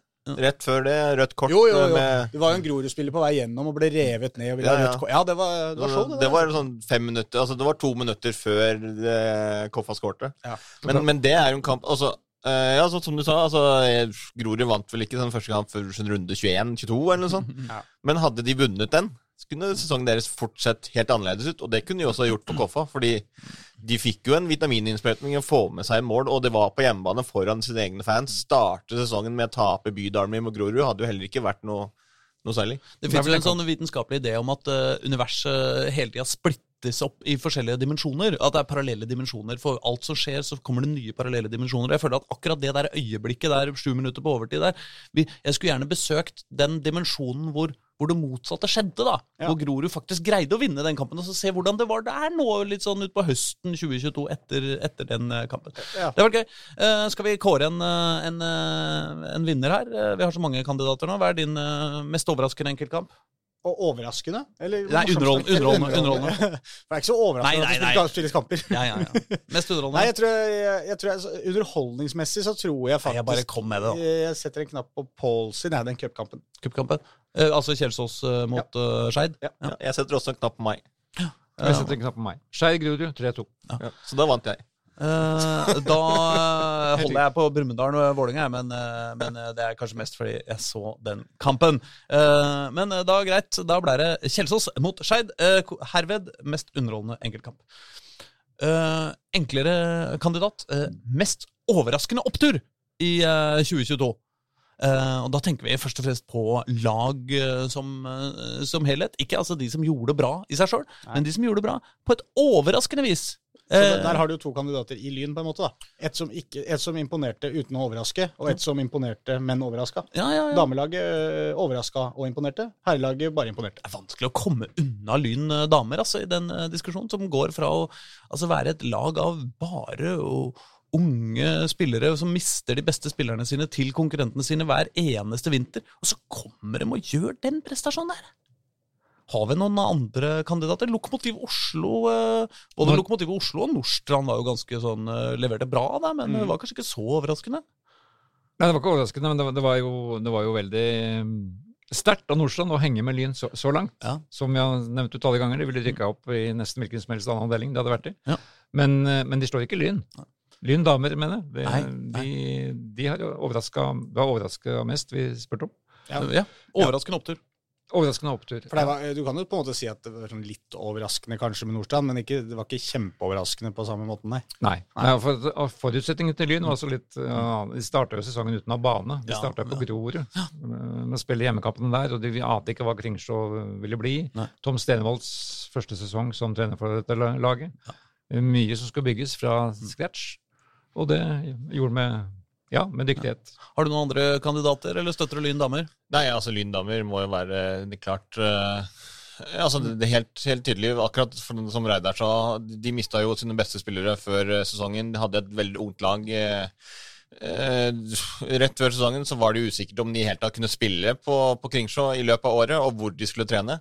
Og allikevel så, så pressa de jo på for eh, en plass i det topp fire-sluttspillet nesten gjennom hele sesongen, så det er ingen tvil om at eh, Altså For meg også, de som har klart mest positivt overraska over, og de som har levert den beste sesongen utover av forutsetningene, syns jeg har vært, vært Lyns damelag. Da kårer vi Lyn damer til mest overraskende opptur. Da trykker vi på den oransje 2022. knappen. Nei, og så nei, sånn salutt. Men la oss snu det på huet. Mest overraskende nedtur i, uh, i Oslo-fotballen eh, 2022. Altså, Du kan jo si Grorud er jo selvfølgelig en nedtur, men så, Men er så overraskende, overraskende. er det vel kanskje ikke at Men hva med Det er overraskende at det gikk 21 kamper uten meg. Det, det er overraskende, for det er jo altså, nesten uhørt. Men, men det er liksom at de skulle rykke ned til slutt, det var ikke så overraskende. Men ja, eh, Frigg, som jeg er inne på, kanskje Oppsal.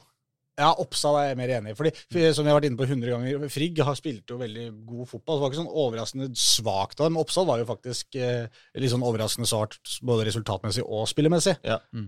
Fordi altså, Det som er mest overraskende med Frigg, er jo hvordan de egentlig greide de å være best å i alle kampene. Altså, De skapte jo flest sjanser i nesten samtlige kamper og var eh, klart best altså, Ja. med i alle kamper, og likevel så rykka de det med glans. Jeg syns dette er overraskende. Eh, jeg, eh, Med Frigg? men, ja, ja, ja, Ja, ja. At de greier å spille så bra og likevel rykke ned sånn. Ja. Ikke, ikke, ikke så vidt. Ikke sånn eh, akkurat i siste øyeblikk. Wow, jøss. Frigg rykka ned. Det var rart. Nei, nei. De var jo helt ute av det fra altså, Det var jo eh, sånn poengmessig. Altså. Men, men, men på en måte så var man jo på en måte litt forberedt på at Frigg også kunne rykke ned, på en måte. Ja. Eh, det, var, det var mer det var, Den var jo Hvorfor det? ja, Vi hadde vel ikke dem så kjempehøyt på tabellen, hadde vi det? da? Det er forskjell på det og nedrykk. De, de vant jo sin De, de rykka jo opp med suverent Ja, men veldig ofte lag som rykker opp, er jo veldig ofte tippa ganske langt ned på tabellen sesongen etter. Ja da. da, men ikke, Vi hadde dem ikke på, på nedrykk. Nei, nei, da er jeg enig i det, men, men de var måte, de overraska jo positivt rent spillemessig, og så var det overraskende lite poeng de Det er overraskende å få så lite ut av så godt spill. Ja, Det er, godt, det er godt gjort. Ja, vi trodde de skulle på en måte ta mer poeng, ja. Men, eh, men jeg tror kanskje jeg støtter opp sammen, for de hadde jeg sånn ordentlig, litt mer ordentlig trua på. liksom at det Vi de hadde bli, vel Oppsal på tredjeplass, tror jeg. Ja, Tredje eller og de- fjerdeplass i sesongen. Og Det ble de, nærmere en nedrykkskamp for dem enn ja, noe annet. det var jo nesten det hele sesongen. Mm. Altså, de, de slet voldsomt med å komme i gang, og de spilte jo ikke I motsetning Frigg, da, så spilte jo heller ikke så veldig bra fotball. Nei, akkurat det. Vi kan vel si at eh, denne sesongen eh, i det minste har lært oss at eh, eh, antall poeng i ligaen ikke korrelerer med eh, eh, daglig leders entusiasme. Nei. Eh, dette har både Skeid og Oppsal vist oss eh, i 2022. Nei, men skal vi si, skal vi si Oppsal da er eh, årets overraskende nedtur Ja. 2022. Gratulerer eh, fra Jørgen Grydland. Ja. Eh, han spilte vel på Oppsal 3. Eh, jeg vet ikke hvordan de gjorde det. Eh, beste trener? Er det Eh, det samme som årets trener, som skal trene Oslo-laget vårt? Uh, ja, Det er ikke nødvendigvis den samme, uh, men, uh, men fordi hvem som skal trene Oslo-laget vårt, avhenger jo selvfølgelig også av hvordan vi tror treneren ville fungert sammen med den, Ja, med den spillerstallen. Okay, ja. Men, men hvem er egentlig årets trener i, i Oslo-fotballen, syns du? Ja, ble vi ikke Tom Stenvold jo, ble dratt opp kjapt her, ble han ikke det, da? Han ble jo det. Når Lyn er den største overraskelsen, positive overraskelsen, så er det jo naturlig å peke på treneren deres med de forutsetningene han også da som ble lagt her i stad. Han kom inn første sesongen, og de har mista litt spiller, viktige nøkkelspillere. og Da er det godt gjort å mobilisere og stable det der laget såpass bra på beina. Jeg synes jo på en måte, Nå har jeg allerede fornærma Jørgen Isnes, eh, Ja. og, og jeg står jo på mitt at han er lukter luktevondt og, og, og, ikke er god nok for Oslo lenger. Ja. Eh, men eh, når det er sagt, så, så skal det jo også sies da at Jørgen Isnes nå har på en måte Han har satt eh, krona på verket i sin mangeårige overlevering for, eh, for Koffa. Så, eh, eh, men vi kan godt eh, ende med Tom Stenholm. Men jeg, jeg syns, eh, Jørgen er, er verdt å, å nevne likevel. Det er jeg enig i. Men krona på verket, det hadde vel vært opprykk? Jo, jo, men, for trener eh, Han har på en måte gjort eh, Ja, han, han- han har. Han har gjort fem fem kjempesesonger for Koffa, og nå har han uh, tatt han selv- det neste det Han har sjøl rykka opp, det, det er riktig. altså, Ja, da, nei, også, jeg er helt enig. Han er Helt nøkternt vurdert så er den Stormbakk en av de beste prestasjonene Ja. blant trenerne i Oslo Ja. i år. Ja, og Som personlig så er det jo også også føles det jo større liksom med Isnes, men det er fordi jeg jobber mye tettere med KFM enn jeg gjør med Lyndamer. Så jeg på en måte Tom Stenvold og Lyn har jeg jo egentlig bare sett og dam, Lyndamer har jeg bare sett fra utsida, på en måte. Mm. Jeg, har ikke, jeg har ikke noe inntrykk av han som person og hvor mye innflytelse han har hatt på ting og tang i klubben, men han står, sitter jo som hovedtrener på et lag som har gjort det bra, og da er det på en måte naturlig å trekke han opp. Men da vil jeg også nevne hans Lyn-kollega, Ja. vanlig i, for uh, Ja. menn, Jan Halvor Halvorsen, som, som har levd med presset hele tida om, uh, om at Lyn må rykke opp. Mm. Det, det er ganske slitsomt. Sånn, uh, det er, ingenting er bra nok, selv om du vinner kamp etter kamp etter kamp. Og så hadde de Nordstrand hengende bak seg der uh, absolutt hele tida. Mm. Helt inn. Uh, og så fikk de med endelig Nordstrand i en avgjørende kamp der, i nest siste serierunde, hvor de da vant klart. Mm. Så Halvorsen holdt både smilet og trua på plass. og holdt presset um, unna i sin aller første sesong i Oslo-fotballen. Kanskje jeg da også kan snike inn i diskusjonen Nils Lekserød, som hadde eh, eh, veldig sterk motstand eh, fra, fra Rosenborg og Brann. Virkelig likevel greide å nå sesongmålet om kvalifisering til Så, og når vi skal først nevne nesten alle, så kan vi jo nevne fjorårets trener Vikoria, Gard Holme, som etter opprykket med Skeid, som i hvert fall lever en høstsesong som, eh, som viste evne til å både ta tak og endre spillestil og få til noe i en kritisk situasjon. Men det høres ut som konklusjonen er eh, Tom Stenvold eh, likevel. Er ja. alle nikker og bukker? Det kan Vi være stemmer på enig. Tom. Tom Stenvold, årets trener i Oslo-fotballen. Det er ikke gærent. Så har vi en kåring hvor, eh, eh, eh, hvor eh, det deles ut av dataene, og ikke av dere. Og ikke av oss. Det er årets uh, gjest i Trikkeligaen. Altså ikke årets beste gjest, eh, Nei. fordi det, det er et skjønnsmessig spørsmål og som vi eh, nødig skal gi oss inn på. Men den mest populære Kan jeg gjette? Ja. Eh, eh, Gjermund Østby. Det er helt riktig! Ja, da! Eh, Det viser seg at en keepertrener er den, den publikum er mest interessert i å høre fra. Gjermund Østby i Vålerenga er bare sånn, årets mest populære gjest. og, og bare sånn Uten å bruke dataene, men å bruke våre egne hoder. Personlig også var det, det var en jævlig gøy episode å gjøre. Absolutt jeg. gøy å høre på, syns jeg, da. Ja, Du var ikke med, kanskje? Nei. nei. Nei, jeg, jeg, jeg, var oss. Jeg var heller ikke med. Jeg, jeg hørte på den, men da fant jeg at det var, det var i grunnen det beste. Var jeg, Hvis, hvis jeg hadde vært med, så hadde den tatt en halvtime til. Ja. For da måtte jeg gått inn i OL-stafetten i 1960 med faren hans Mm. og tatt detaljene. Men dette trenger vi ikke ta nå. Men, Men, eh, kanskje han kommer igjen, siden han var så populær? Det, det kan hende. um, Olav Østby, OL-sølv. Back En stafett Norge skulle vunnet. ja, ja, ja. Norge leda da Olav gikk ut. Hvilket OL var dette? Nei, slu, ikke oppmuntre han! Ja, vi, du kan ikke, vi må liksom Nå har han Skål, bare Ali. gått i Skål, Ali. 1960. Årets Håkon Brusveen. Nei, faen! Hvorfor er det alltid Håkon Brusveen? Han føler jeg alltid har gått Han har gått alle stafettene fra, fra krigen. Vi må komme oss videre, gutter! Han, han og faren til Gjermund Østby. Var ikke da Ole Ellefseth. Var ikke da Ole Ellefseth begynte å synge? Det var senere. Årets bane i Oslo-fotballen. Ja, du går for Fulgt av Nord- Nordre Åsen. Det må Eh, bli Nordåsen.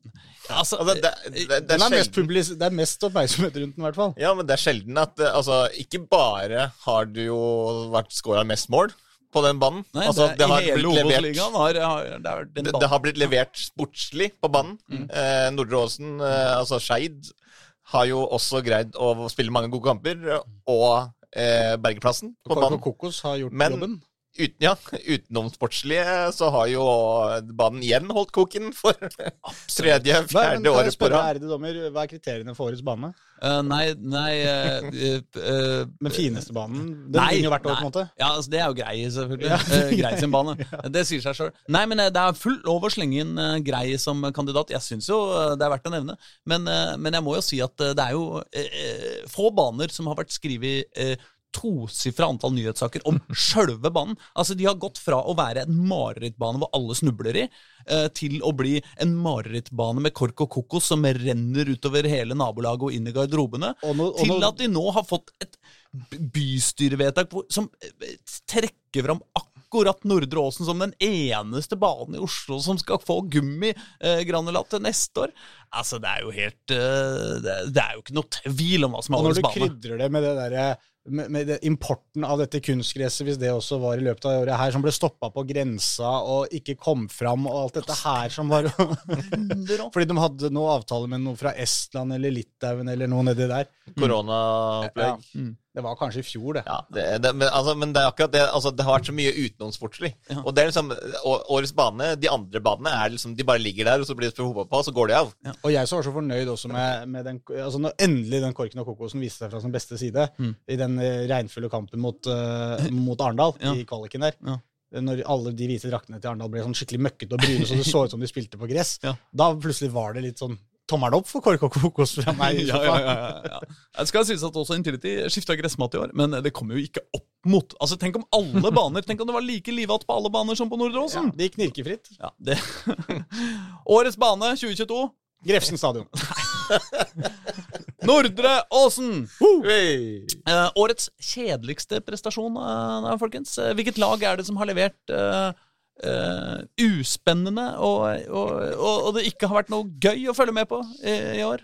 Er det, syns jeg vi skal bruke lang tid på å utbrodere. men men er det, er det kjedeligste. enkeltkamp eller kjedeligste Nei, mer sånn prestasjon som helhet. Eh, Altså, altså, var jeg, dørgende, ja, Grorud var jo veldig tidlig rykka ned, da.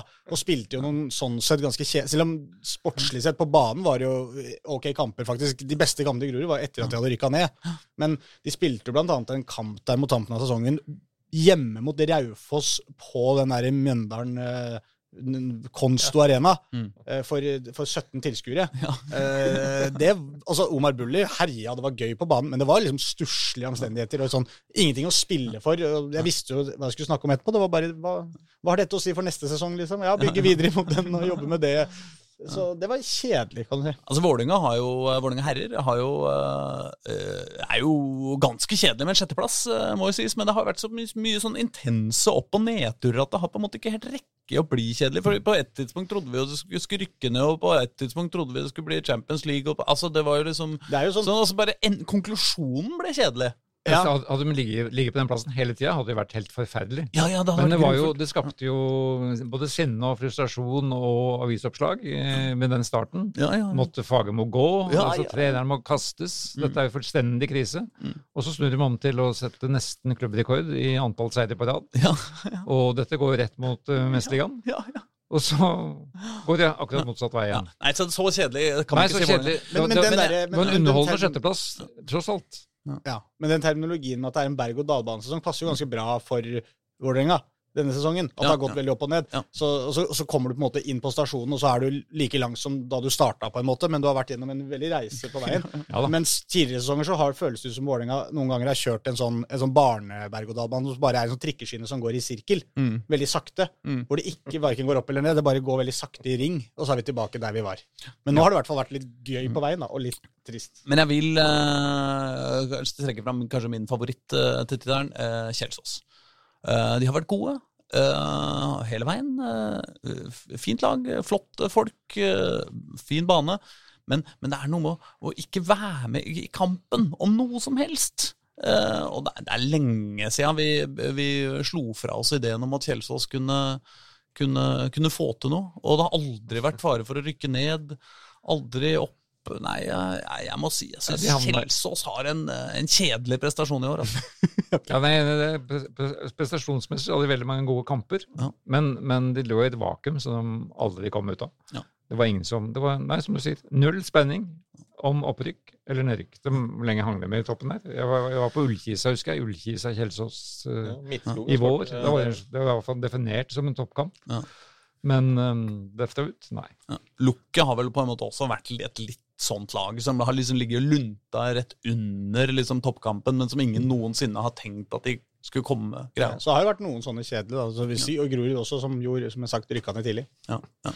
Så Reddy er vel et lag som ikke har vært voldsomt spennende.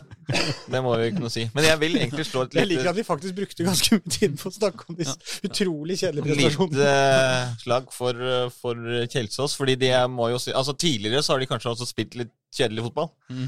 Det er jo det de har fått skyld på. Men, men jeg syns den, den ungdomsrekka som Eivind Kampen har fått inn eh, der, med, med Wilhelmsen, Jakob Liksflaten, Hanstad, Rasmus Winge, uh, Filip Grifsgaard eh, har fått det til å bli mye mer dynamisk. Så, altså, å se på Kjelsås har kanskje ikke vært like kjedelig som eh, Situasjonen. situasjonen til Kjelsås. Fordi det jo, altså, det har jo aldri vært snakk om det har ikke vært snakk om noen som helst. Kjelsås skal jo gjøre det som Kjelsås alltid gjør, og det er å ligge sånn ganske trygt og godt plassert midt på tabellen og litt over det i, i andre divisjon.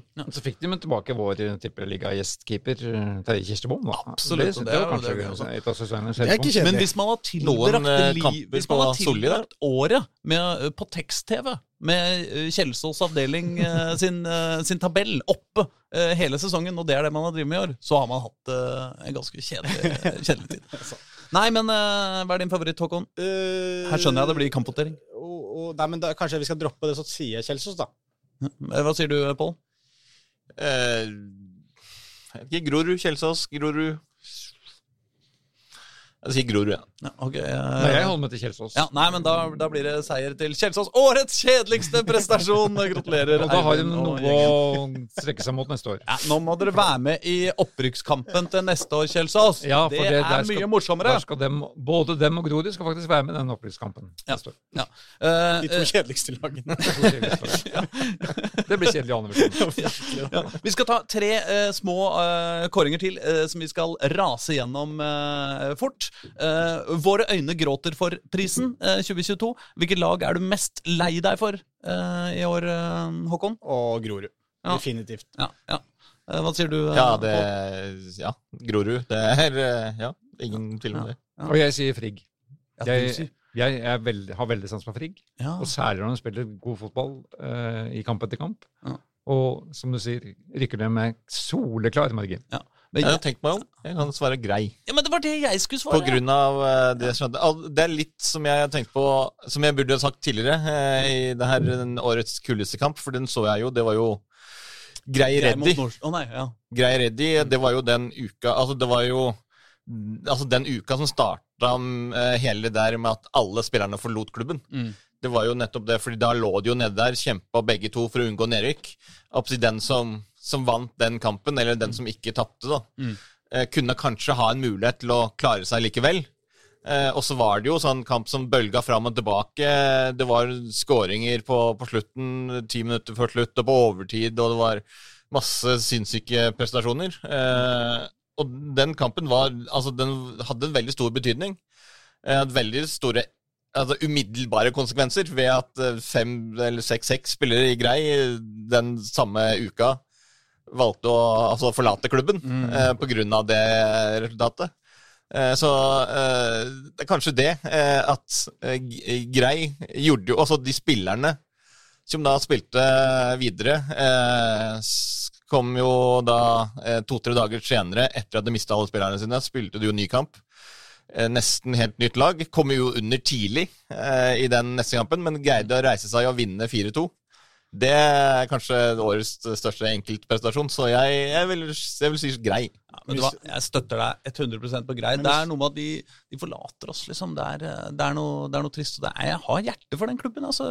Det, Ja, men, altså, men det, er litt, det er litt der jeg også, når jeg svarer Grorud så kjapt, det er jo noe med at det, det er jo en klubb som vi har blitt, eh, i hvert fall jeg har blitt jobba Ja, veldig ja. tett med, og, og blitt veldig glad i. Så det er på en måte, eh, rent sånn sportslig så gråter jeg nok kanskje mer sammen med Reidar med Frigg, fordi de Mm. fortjente jo faktisk mye mer. Grorud kan du kanskje ikke sitte og si at de fortjente så mye mer, selv om, selv om de jo viste at de hadde mer inne på slutten av sesongen. Men det er mer den der utrolig morsomme reisen fra de rykka opp eh, fra andredivisjon og sjokkerte alle og vært der oppe et par sesonger, og det har vært dritgøy, og så går man eh, ned igjen. Men dem, i motsetning til Grei, da, så får vi jo følge dem videre. Men eh, det virker eh, likevel som at eh, prisen for våre øyne gråter for var vi, Eller var dere nå enige? Nei. Håkon? Nei, nei, nei, nei. Ja, ja, den går til grei, den, da. Ja. Eh, gratulerer med det.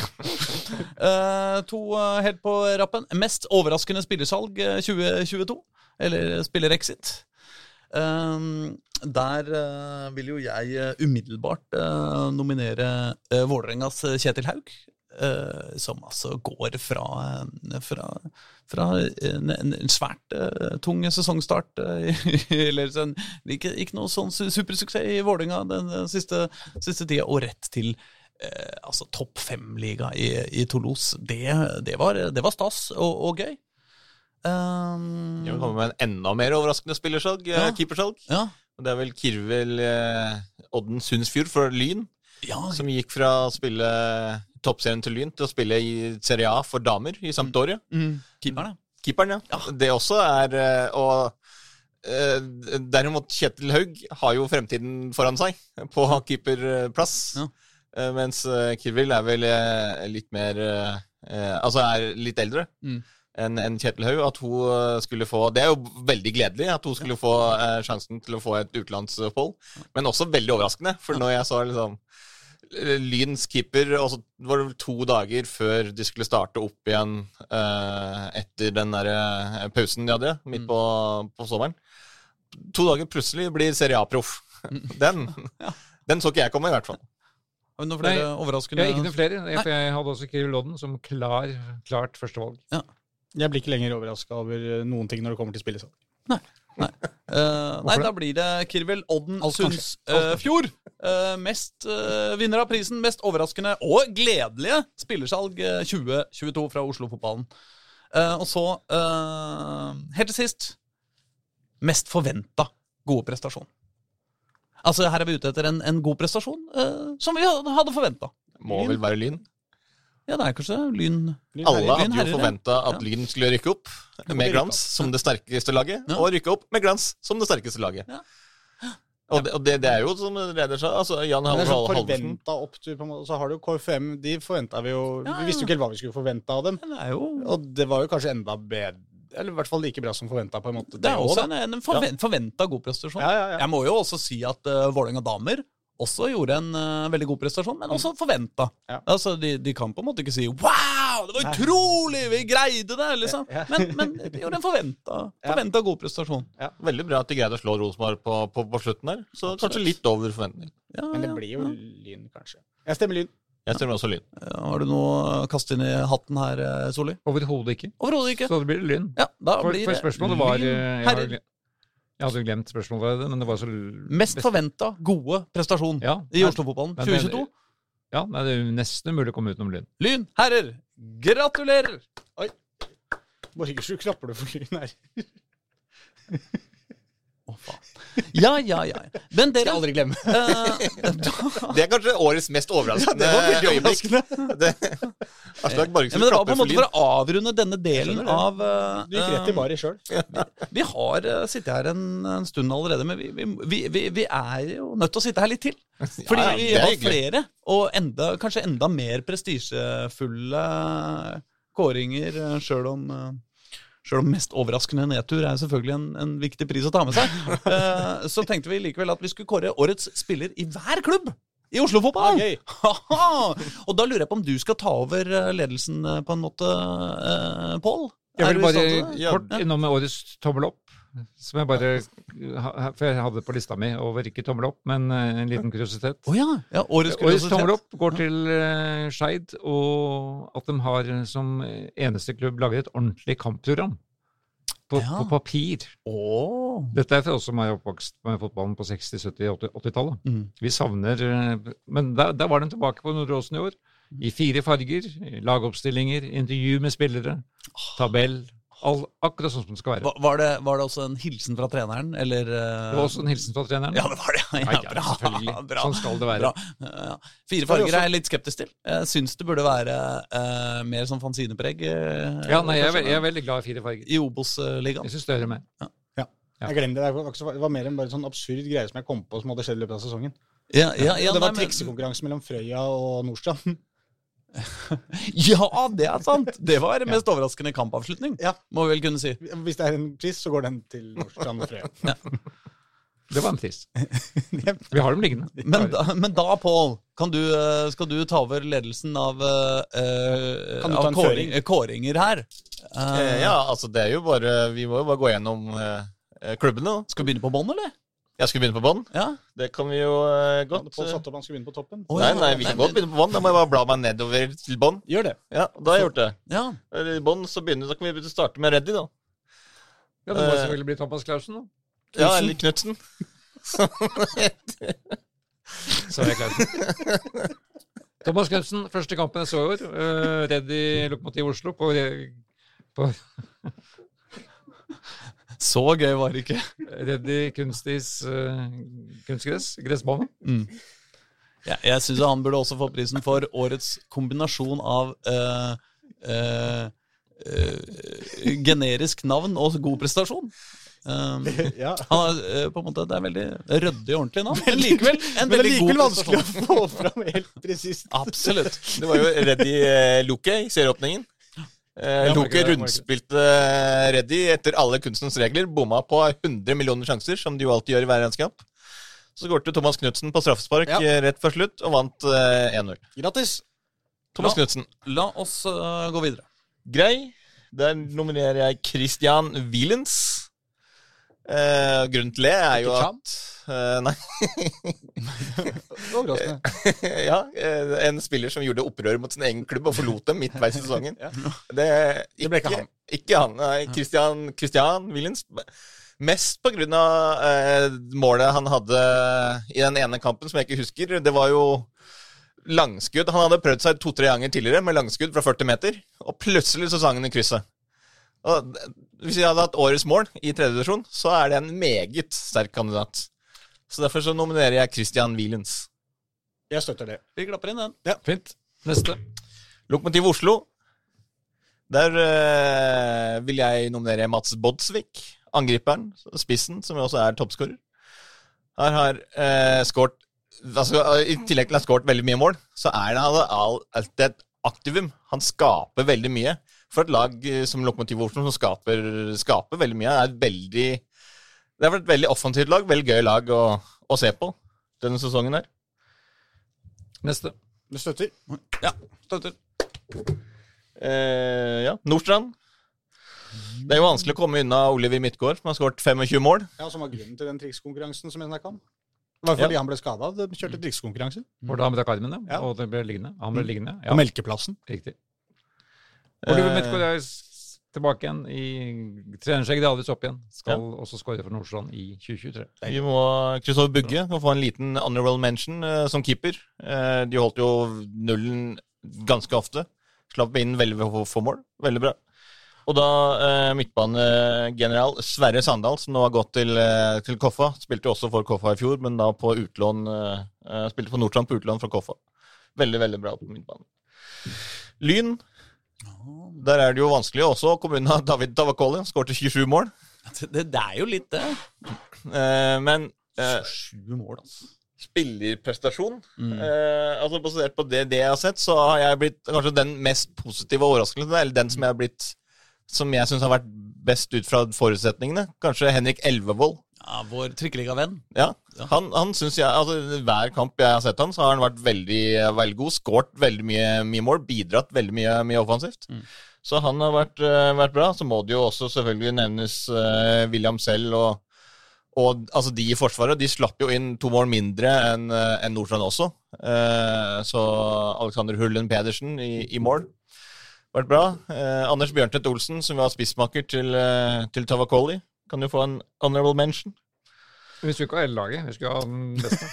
Ja. Eh, Hvem er best? Nei, jo, får vel melde Tavakoli, da. Må jo det. Hva tenker du, Håkon? Nei, jeg, jeg, støtter deg på dette her, Pål. Ja. ja. Elvevold er resignert nettopp for Lyden. Ja. Spiller der i neste år. Klapp. Bra, Elvevold. Frigg. Ulrik Ferrer. Om det er han. Du hadde en egen kandidat her å komme med i Frigg, eh, Håkon? Ja, ja, jeg kom på at keeperen deres også har jo Han er også egentlig god, da, men uh, jeg, jeg var Sebastian Fjose Berg. Jeg tenkte på han midtbanespilleren deres. Han har jeg fått litt sansen for. Ja. Uh, men alle på Frigg har jo vært outstanding, så det kan bare dere egentlig. Outstanding. De har rundspilt alle motstanderne sine, så det er jo Ferdig skåret vel hat trick gjennom de siste kampene. De slo Gjøviklin var ikke 7-3 oppå der til, Ja. i, før- før serieslutt. Og, og Gjøviklin, som de da tapte 1-0 hjemme mot, eh, var det vel på et frispark etter ja, og så rundspilte de. Ja, ja, det rundspilte de, og den kampen var jeg på. Rundspilte, altså Gjøviklingen var ikke over midtbanen hele kampen. Fikk et frispark på 40 meter, rett i krysset. Altså Per Egil Ahlsen-style. Det var det eneste de hadde. Ja. Tapte da 1-0. Men jeg, jeg kan bli med på Ferrer, altså. Ja, Ulrik Ferrer. Uh, Ullern. Bare skyte inn på Frigg Bo, han derre Bo, Bo Åsulv Hegeland, som jeg snakka om litt tidligere, han unggutten, som var litt morsom, han er jeg litt spent på. Men ikke noe årets spillerkandidat. da. Bare, så nevnte han Årets unge spiller. Da er det nevnt. Årets unge spiller i Frigg, kanskje. Uh, Ullern. Der har vi vel kanskje Jens Bonde Aslaksrud. Åh, min eh, navnevenn slash fiende. Og vet du hva, jeg, På Fifa-saven min nå så har jeg på, med Northampton min nye stjerne fra Norge, Aslak Andersen. Oh. Som jeg speida. Åh, ja. ja, ja, bra. Uh, Aslaksrud har jo skåret uh, 15 mål for Ullern i år. og Det er jo 40% av alle målene i en uh, sesong der de har kjempa mot nedrykk. Mm. Det har vært jo eh, uvurderlig betydning, de, eh, de målene han har bidratt med etter overgangen fra Kjelsås. Ja, bra. Han har vært knallbra, faktisk. Men Vi hoppa vel over disse anklagene, men det skal vi kanskje gjøre. Men Ja. ja. Shai 2 har jo da Yasir Saad, som jeg syns har vært uh, veldig morsom å se på i år. Ja, jeg har da valgt å hoppe over andre lagene, for det er liksom Så da ja. ikke Vi andre. kan, satt, nevne, vi kan jeg nevne eksempel keeperen til Grorud 2, da, Magnus Stær Jensen. Som er en spennende keeper. Ja, Ja, det var det gjort. Han hopper jeg også over. Ja, Vi hopper over han nå. Eh, Ja, da er vi oppe på Skal vi se Kjelsås. Eh, det er vel igjen uh, mann på, på topp. Ole Erik Midtskogen. Elgen fra Tynset. Har vært eh, eh, veldig, veldig god. Og eh, ekstremt eh, god på Altså, han er veldig, veldig viktig for den spillelsen som Kjelsås har. Og spesielt når de har fått inn de tidligere nevnte ungguttene som er veldig dynamiske, kan løpe mye rundt han, så greier han altså å få tak i ballen, holde på ballen og har veldig gode kvaliteter rundt seg. Eh, og så må vi da nevne for siste gang eh, Winston Joe Paintsil, som jo da forlater klubben og drar til Tromsø. Eh, har jo vært et fyrverkeri på, på kanten her i, i flere år, og en attraksjon eh, som gjør at eh, det har vært nesten alene å dra på, på Grefsen stadion og, og se han spille fotball. Jeg kan jeg nevne også der kjapt Lars Brotangen, som er kanskje like viktig da, på en måte som eh, Midtsko, eh, Midtskogen i angrepet der. Midtstopperen deres. Som jo De har jo sluppet inn de har vel ikke sluppet inn Var det ikke det Kirsebom sa? De har ikke sluppet inn mindre, eh, mer, færre mål enn de har gjort denne sesongen he, siden 2000. Altså Fra 2000 fram til i dag så har de ikke sluppet inn færre mål eh, enn nå. Brotangen, som vil være ferdig klubben, har dratt til HamKam for å bli trener. Ja, Ja. Men nå ikke for å spille, men for å bli trener. Ja. Eh, Skeid. Det er nummeret Markus Melkjord, som har vært eh, ekstremt god på den sentrale midtbanen deres i år. Eh, Jakob Romsås, eh, Napoleon, eh, er jo en eh, god kandidat, men han har vært litt ute med skade. Og Melkjord har vært stabilt god gjennom hele sesongen. Ja. Jeg syns jo kanskje eh, Bendik Riise da har vært kanskje enda bedre, men, men det, er min, det er min mann. Eh, Reidar? Eh, Jeg har uh, Melkjord. Han, endte vel opp med den som spilte flest kamper for dem også. Tror jeg. Ja, han ble vel også kåra til spillernes eh, Eller eh, jeg håper å si eh, Spiller ja. Oksenes eh, valg også, Spiller. som eh, årets spiller. Og kanskje den er knytta mest spenning til om han faktisk blir i klubben. Det er litt usikkerhet rundt både han og Fredrik Bergli. De er jo interessante for, for mange. Ja, Jakob Romsås også er vel ja, et yndet eh, salgsobjekt for, for flere. Det er riktig. Per Magnus Seiring eh, kom inn og gjorde det veldig bra som stopper makker ved siden av Bergli, og han har jo akkurat signert en ny kontrakt, så det er jo også veldig positivt. Eh, Grorud. Eh, der er det jo absolutt fristende nesten å si Omar Bulli, basert på de prestasjonene han gjorde helt på slutten, eh, som, ja, da han var eh, veldig, veldig god, men det er jo det blir litt lite, så Simen Lillevik, eh, kanskje, Håkon? Du som jo også har fulgt Grorud ganske tett. Ja, Lillevik har vært knallbra for dem, faktisk. Så han, eh, han fortjener eh, altså det det Til tross for at de har sluppet inn mye mål og det ikke har gått så bra, så har jo han eh, Egentlig den der matchen som vi var inne mot KFM, da han hadde en enhåndsredninga på tampen Sånne viktige redninger har han jo vært opp med hele tida. Men så er det eh, samme mot Skeid. Hadde en kjemperedning på den avslutninga som kom Da var det vel Melkjord som kom aleine gjennom. Redda den, og så skårer Bendik Riise på returen, og så taper uh, Grorud den kampen. Men han har vært uh, dritbra. Så syns jeg også Fabian Næss har vært bra på, på bekken, og ikke minst han som kom inn, han Torje Naustdal på midtbanen deres. Uh, også vært veldig, kan man si, viktig når man rykker ned, på en måte. For det var ikke nok, men, men, men han har vist seg å være veldig bra. da. Spennende om de får med han. Men hvem som er den beste, det, da blir det Lillevik. Ja, da blir det Lillevik. Ja. Skal vi gå videre? Koffa. Eh, jeg vil jo nominere Robin Rask, eh, som igjen har gjort en fantastisk sesong på, på midtbanen til, til Koffa. Ble jo kåra til eh, eh månedens spiller eh, i august, som førstemann i Koffas historie. Som ble kåra til årets spiller i, i Obos-ligaen. Eh, kjempegod. altså Han er eh, taktisk god, god med ballen, flott overblikk. eh, Er en av Obotlians aller, aller beste midtbanespillere. Og det var vel Robin Rask som reiv ned han Grorud-spilleren, tror jeg. I den, igjen i åpningskampen. Det som man snakka om skulle vært rødt kort. Jeg lurer på om ikke det var Rask som reiv den ned. Det var et rødt kort. Det skulle Ja, kanskje ja, vært- ja, ja, ja, jeg bare hadde ikke noe å bidra med i akkurat dette spørsmålet. Jeg stoler på deg. Det. Ja, det burde du ikke gjøre. Det er den kampen som skapte mest sinne etterpå Ja, det var- i hele sesongen. Ja. Men det var ikke noe pris? var det? Det var ikke noe pris for Kampen som skapte mest sinne? Nei, det burde det faktisk ha vært. Ja. Jeg tar sjølkritikk på det også. Men skal vi si Robin eh, Rask? Ja. var Ja, vi ja, vi sier Robin Rask. Vi sier Robin Rask. Ja, ja. Til og med Jørgen Isnes ville jeg helt enig i det. Ikke det at vi stoler på han, han er jo Han har ikke, han har ikke stemmerett lenger. Han er sviker, Ja. så det kan ikke høre på han. Eh, Lyn damer. Eh, de har jo hatt eh, Altså, de har jo levert en veldig god, god sesong jevnt over. Uh, Bytta litt på, på slutten. Julie Jorde Anna Aahjem ble toppskårer med åtte mål, men den som vel kanskje har imponert- mest, er vel Camilla Melgaard. Eh, som jo har kanskje blitt litt eh, omskulert for å være veldig ren eh, angrepsspiller til å spille wingback denne sesongen her. Mm. En rolle hun har gjort eh, med, med, med bravur. Fortsatt eh, klart best offensivt, men også vært eh, stabilt med i, i altså den defensive jobben sin i en, i en wingback- wingback-rolle. Det er vel den neste Lynspilleren som kanskje er mest aktuelt at den forsvinner til en annen klubb, dessverre. Den mest etterspurte klippspilleren i Lyn. Så ja, jeg er vel på noe aldersprosent til landslag. Blir stått Ja. en, eh, en stor framtid. Så det blir spennende å følge med Camilla Melgaard videre. VIF damer. VIF.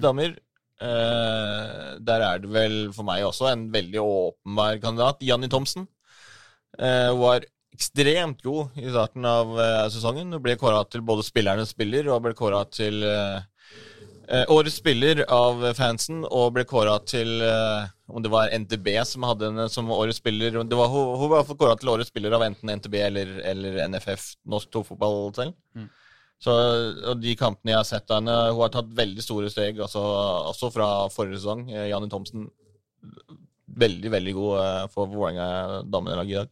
I år. Jeg kjenner det er litt fristende å krangle meg inn og si Diana Stefanovic eh, der. Altså, Jeg syns hun er en, sånn, en spiller som også har blitt bedre og bedre etter å ha liksom trådt ut av skyggen eh, til eh, Sherida Spitze og, og, og blitt den som, den som på en måte er hjertet og betyr alt for, uh, for Vålerenga-laget på midten, men som Vålerenga nå dessverre mister. Jeg tror, eh, jeg tror en en sesong uten eh, Diana blir, eh, er, et, er et hardere slag um, enn det ville vært. Men eh, ja, men eh, nei, ja. Og så må vi nevne Lise Thorstens, som tross alt ble toppskårer. Ja, som var veldig varsla at hun skulle bli toppskårer, men passerte sin milepæl på 200 skåringer.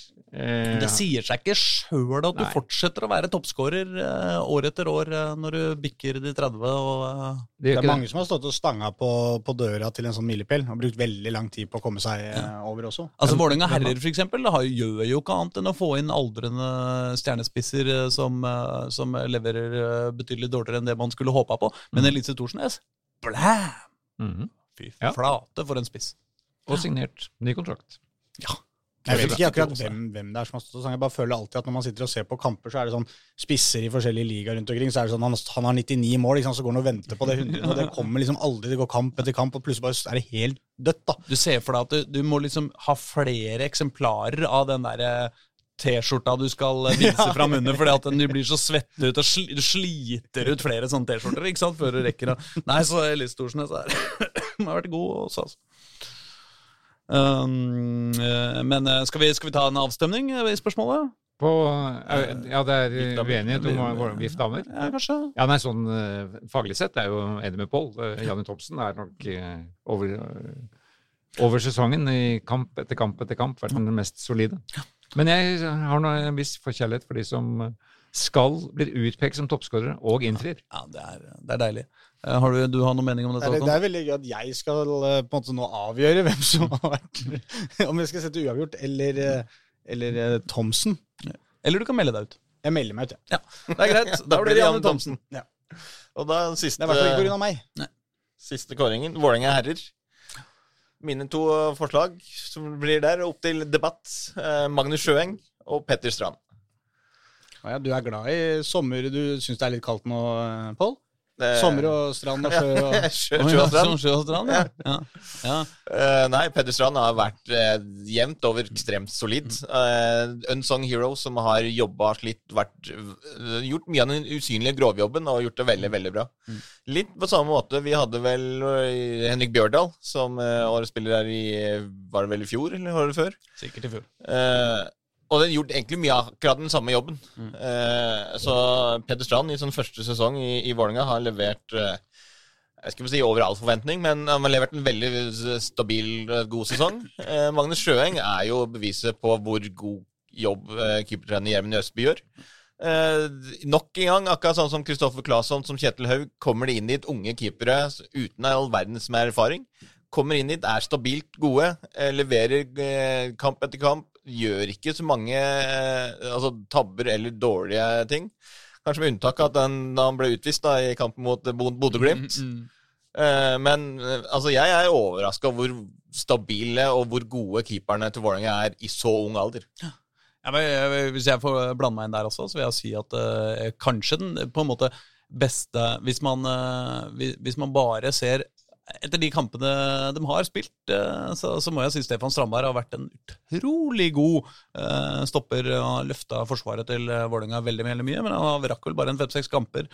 Eh, Så det er kanskje litt, eh, litt snaut, men eh, den spilleren jeg har blitt mest overraska over Petter Strand, åpenbart en overraskende positiv. Vi satt jo her i fjor og var veldig fortumla over at han, at han kom inn, egentlig. Og så har han levert så bra. Men også Amor Laione, som jeg syns at i 2022-sesongen virkelig har vist hva han kan få til. Og syns han har levert veldig mye bedre enn det han har gjort tidligere, og vært den, den beste offensive bidragsyteren i Vålerenga, helt uten tvil. Eh, Toppskårer i laget, og eh, fra vingplass eh, Jeg, jeg syns Amor eh, har vært eh, veldig, veldig god i år. Og, eh, og det gjør meg jo veldig glad. Da skal vi ha besøk av Dag Geir Fagermo her i, før jul en, en gang. Så kan vi høre om han er enig. Kanskje han har et helt annet uh, førstevalg. Hva mener du da, Solveig? Jeg mener uh, Jeg er jo, går jo da i barndommen, så når man har gått på Grefsen folkeskole og kommer inn, blir kasta inn som hovedkeeper i, i Vålerenga, Da er det Sjøeng. da er det Sjøeng. Med sin ro og stoisk ro, bare står bak der og ser ut som han har spilt i 14 år i Eliteserien. Ja, det Det så det ikke, så ikke sånn ut på Sars, borti Sarpsborg der, da. Borti Sarsborg? Sarpsborg. Ja. Det var der han hadde fullstendig panikk og sparka ballen rett i beina på noen Sarpsborg-spillere. Og det var, eh, det var ikke bare ro hele, hele veien. Ingen regler uten, uten unntak. Nei, det er irriterende. Men eh, stemme til Sjøeng, hvem stemmer du på, Håkon? Dick Weng. Du stemmer på Dick Oeng, ja. Ja, det, Ja. det sier seg selv. Ja, nei, altså, jeg syns det er vanskelig. Altså. Hvis jeg lager komplett uh, kaos, så kan jo jeg gå for Amor Leoni, da. Så, så er vi, så er vi en eh, Da har vi, en hver, ja. Ja, Ja, men Ja, men- jeg støtter Sjøeng, jeg. så Sjøeng vinner. Ja. Til at vi får uh, bli ferdig med den ja, men Reidar, hadde du tenkt å bytte nå? Hadde du, Nei, bytte gjør jeg du tenkte men litt på Petter Strand nå, gjorde du ikke det? Nei, jeg har veldig sympati for Petter Strand, ja. Sympati. Sympati. Men, men eh, Sympatipris til Petter dette, Strand. Dette, dette beskriver jo litt Vålerengas sesong. da. At ingen skjellskjøt blant fire i rom her. Ja, nei, nå var jo kanskje jeg litt for flåsete, da. Ja, jeg var, Jakob Dick Weng er jo litt. Jeg ikke. Dick Weng er jo utvilsomt en av disse nykommerne. Ja, Hvis vi hadde hatt den kategorien. Men det, men det, er han jeg, det er han jeg har mest lyst til å se hvis jeg drar på kamp. Ok, ja. Er er ikke det Omar Bulli? Det er ikke noe Jo, nå er det fanken i meg Omar Bulli, altså! De to sammen! Gi meg det. Ja, men uh, dette skal vi få høre i neste program, om hvordan denne planen er neste år. Åh, det blir hvordan dette. VIP-laget skal se ut. Omar Bulli å bli Han kan bli Eliteseriens beste spiller allerede neste sesong. Du er der, ja. Men da, Magnus Sjøeng, Hvis da. hvis de bruker den. Ja, da blir det Magnus Sjøeng. Okay. Men da er det årets Oslo-elver som vi må eh, komme oss gjennom. Hvem har den? Pål? Ja, vi må vel nesten altså, har, har vi, notert? har vi kåra Magnus Sjøeng til årets spiller i Vålerenga, så er det vanskelig å komme han utenom han som keeper på årets lag også. Selv om vi kåra Simen Lillevik til årets spiller i Grorud. Ja, Men han spiller jo tross alt bare litt høyere nivå. Nei, ja, ja. Så vi har satt opp da Magnus uh, Sjøeng i mål, med Simen Lillevik på, på benken. Eh, I forsvar eh, Fredrik Christensen Dahl, bedre kjent som Flekka fra Koffa. Flekka fra Koffa.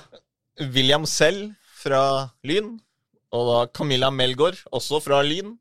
Selv om det da er damelaget. Kanskje spiller en litt uvant posisjon for, eh, for Camilla.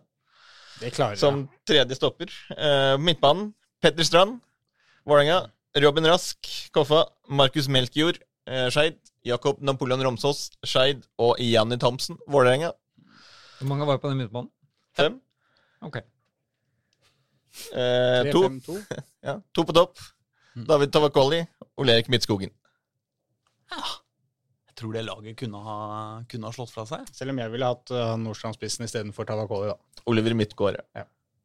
Kanskje vi kunne ha gjort det sånn at neste gang det fins et mesterskap som eh, Norge ikke deltar i, eh, så, blir det, så kan Ja. vi isteden ha et bymesterskap. Eh, mellom eh, de, by, Ja. de norske byene. Ja, som er vår gøy. lokale variant av VM. Ja, for det er annethvert år at Norge ikke er med i mesterskapet. ja, ja. ja da, blir, da får vi en måned Ja. hvor det hadde vært artig å, å ha noe sånt å drive med. Jeg kom på en overraskende overgang. Jeg hadde ikke noe i stad. Bjørn Martin Christensen, som plutselig dro fra Grorud. Det var kanskje ikke så overraskende, men det var, kom litt tidligere enn jeg trodde. Mm. Er det greit? Det er greit, det. Og Elias litt- Aarflot, gikk fra Grorud 2 til, eh, opp til Tromsø. der. Men jeg må si at etter at vi hadde vært gjennom årets Oslo-lag med Ja. fanfarer og tut, så var det en litt pussig måte å avslutte sendinga på. Skal vi da ha årets den trener for dette Oslo-laget, da? Ja! Hvem er Det er en bedre avslutning. Ja, Det blir uh, Grorud 2s Andreas Alrik. Han har vært dritbra, da. Kan jeg bare få si det? For vi har glemt å nevne han også. Ja, vi skulle ikke nevnes annetlagene. Nei. Nei, men, men det var noe vi gikk gjennom i stad. Nå kan jeg gjøre det. Ja. Nå kan jeg gjøre det. Ok. Er det, men er det lov å si det med det Grorud 2-laget der? Det er dritmorsomt å se på det laget der. Mm. Og de ble, ble nummer fire, gjorde de ikke det? I tredje divisjon? Jo, de, det var veldig lenge de også var med der, og tapte jo aldri heller, sammen med Skeid 2. Ja. Så, så nei, både Skeid 2 og Grorud 2 har levert gode sesonger i, for andrelaget det er en spennende ung trener, i hvert fall, som er, eh, som er ganske artig. Som jeg liker. Og når han trener Grorud 2, så syns jeg det er så gøy at han hele tida Når du ser på dem, så kan du følge med på sånn I dag så skal de være offensive. I dag skal de være defensive. De bruker liksom disse kampene veldig sånn aktivt som trening. så du kan få på en måte, Hvis du snakker med ham før matchen, så får du vite hva de skal gjøre i dag. I dag skal vi vinne. Ok, I dag er det det som gjelder. liksom. Skal vi spille voksenkamp? Det- Nå er det bare vinne som gjelder. Drit i åssen det ser ut. Jeg synes han har fin tilnærming til andrelaget. Var det en bedre avslutning på denne? Nei, fordi nå skal vi kåre den, den som skal trene årets Oslo-lag. Ja, var det jeg gjorde nå? Nei, du gjorde ikke det. Jo. Vi må vel eh, igjen med samme begrunnelsen som vi tidligere i sendinga eh, kåre Tom Stenvold. Basert på hans eh, prestasjoner og det han har gjort i, i årets lag, så vil jeg nominere han. Men tre, en 3-5-2-formasjon, det har jo Isnes fifla litt med. Ja, det er sant, ja. Han kan jo kanskje den formasjonen bedre. Skal vi kanskje gi det som en avskjedspresang til Jørgen Isnes? Vi skal gjøre det. ja. Det er greit. Jørgen skal få lov. Isnes fra Drammen, det er ekte kjærlighet. Isnes fra Drammen, i all evighet. Er det langt til Skånland? Hæ? Er det langt fra Skånland? Det tør jeg ikke uttale meg om. Nei, det er godt. Jeg tror det er et stykke. Ha det! Ha det bra! Nei, det er ikke god jul ennå. Nei. Nei, men snart. Ok. Ha det. Ha det.